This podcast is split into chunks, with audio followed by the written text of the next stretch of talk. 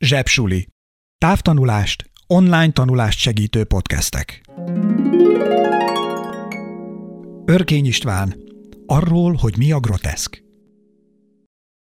Szíveskedjenek terpeszállásba állni, mélyen előre hajolni, s ebben a pozitúrában maradva a két lába közt hátra tekinteni.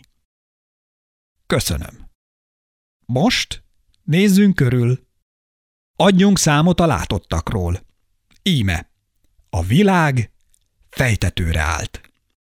Férfi lábak kalimpálnak a levegőben. Visszacsúsznak a nadrágszárak, s a lányok, ó, ezek a lányok, hogy kapkodnak a szoknyájuk után. Ott az autó. Négy kereke a levegőben, mintha egy kutya a hasát akarná megvakargatni. Egy krizantém, Kejfel Jancsi, vékony szára az égbe mered, ahogy a fején egyensúlyozza magát. Egy gyors vonat, amint füstcsóváján tovarobog. A belvárosi plébánia templom a két tornyán lévő, két kereszten lévő, két villámhárító hegyével érinti csak a földet. És amott egy tábla a kocsma ablakában. Frissen csapolt sör, rös, tlopacs, ne sérf. Bent egy dülöngélő vendég, fejel aláfelé, elhozza sörét a söntésből. A sorrend, lent a hab, rajta a sör, fent a pohár talpa. Egy csöpp nem sok, de annyi se csordul ki. Tél van?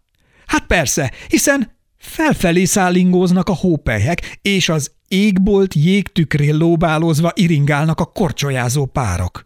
Nem könnyű sport. Keressünk most már vidámabb látványt. Imhol egy temetés.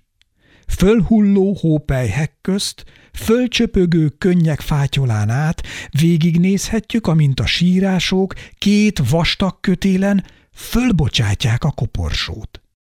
A munkatársak, ismerősök, közeli, távoli rokonok, továbbá az özvegy meg a három árva göröngyöt ragadnak, s elkezdik a koporsót haigálni.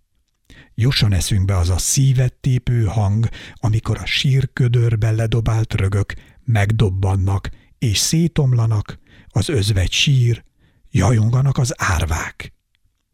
Milyen más érzés fölfelé haigálni, a koporsót eltalálni mennyivel nehezebb.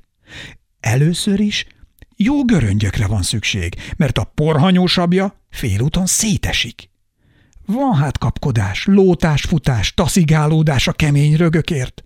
És hiába a jó göröngy, a rosszul célzott rög visszahull, és ha eltalál valakit, pláne ha egy gazdag, előkelő rokont, kezdődik a vihorászás, a káröröm egészséges kuncogása. De ha minden stimmel, kemény a rög, pontos a célzás, s telibe találja a deszkakoporsót, megtapsolják a dobót, derűs lélekkel térnek haza, és sokáig emlegetik a nagy teli találatot, a kedves halottat, és ezt a mókás, pompásra sikerült szertartást, melyben nyoma sem volt a képmutatásnak, a tettetett gyásznak, a hazudott részvétnyilvánításnak. Kérem, szíveskedjenek kiegyenesedni. Amint látják, a világ talpra állt.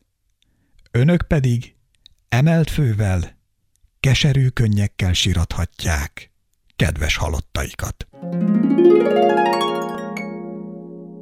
Esperes stúdió.